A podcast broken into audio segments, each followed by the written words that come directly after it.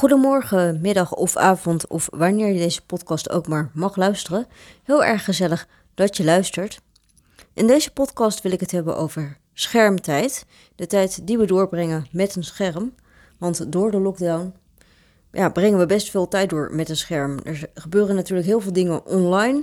Online lessen, online vergaderingen, andere gesprekken waarbij je virtueel aanwezig uh, moet zijn.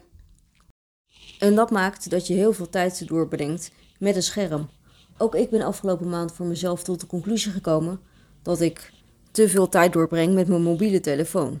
Ik ben namelijk iemand die ochtends wakker kan worden met een bepaald liedje in mijn hoofd. En dan moet ik dat liedje even horen. Maar nadat ik dat liedje dan beluisterd heb, uh, beland ik al heel snel weer bij een ander liedje. Klik ik weer wat anders aan, andere playlist. Ja, op internet is het zo makkelijk om van het een in het ander te belanden alles lijkt om je aandacht te vragen.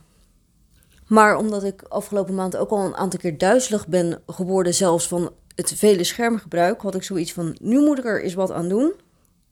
En vandaar dat ik voor mezelf punten heb opgeschreven om mijn schermtijd te verminderen. En ik dacht, ik deel ze met je, misschien heb je er wat aan.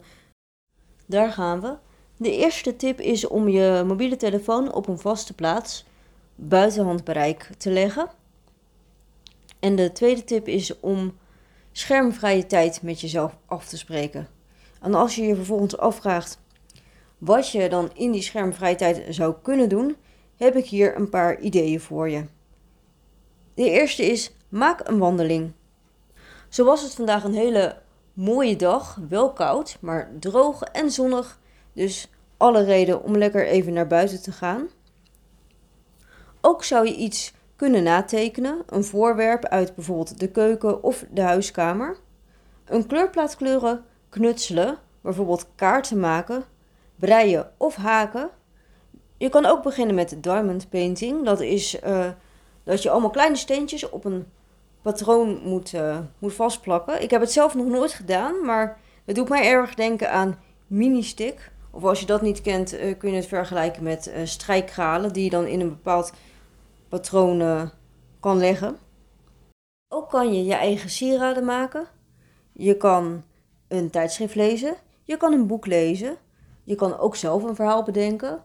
Of een gedicht schrijven. Of een liedje schrijven. Een instrument leren bespelen.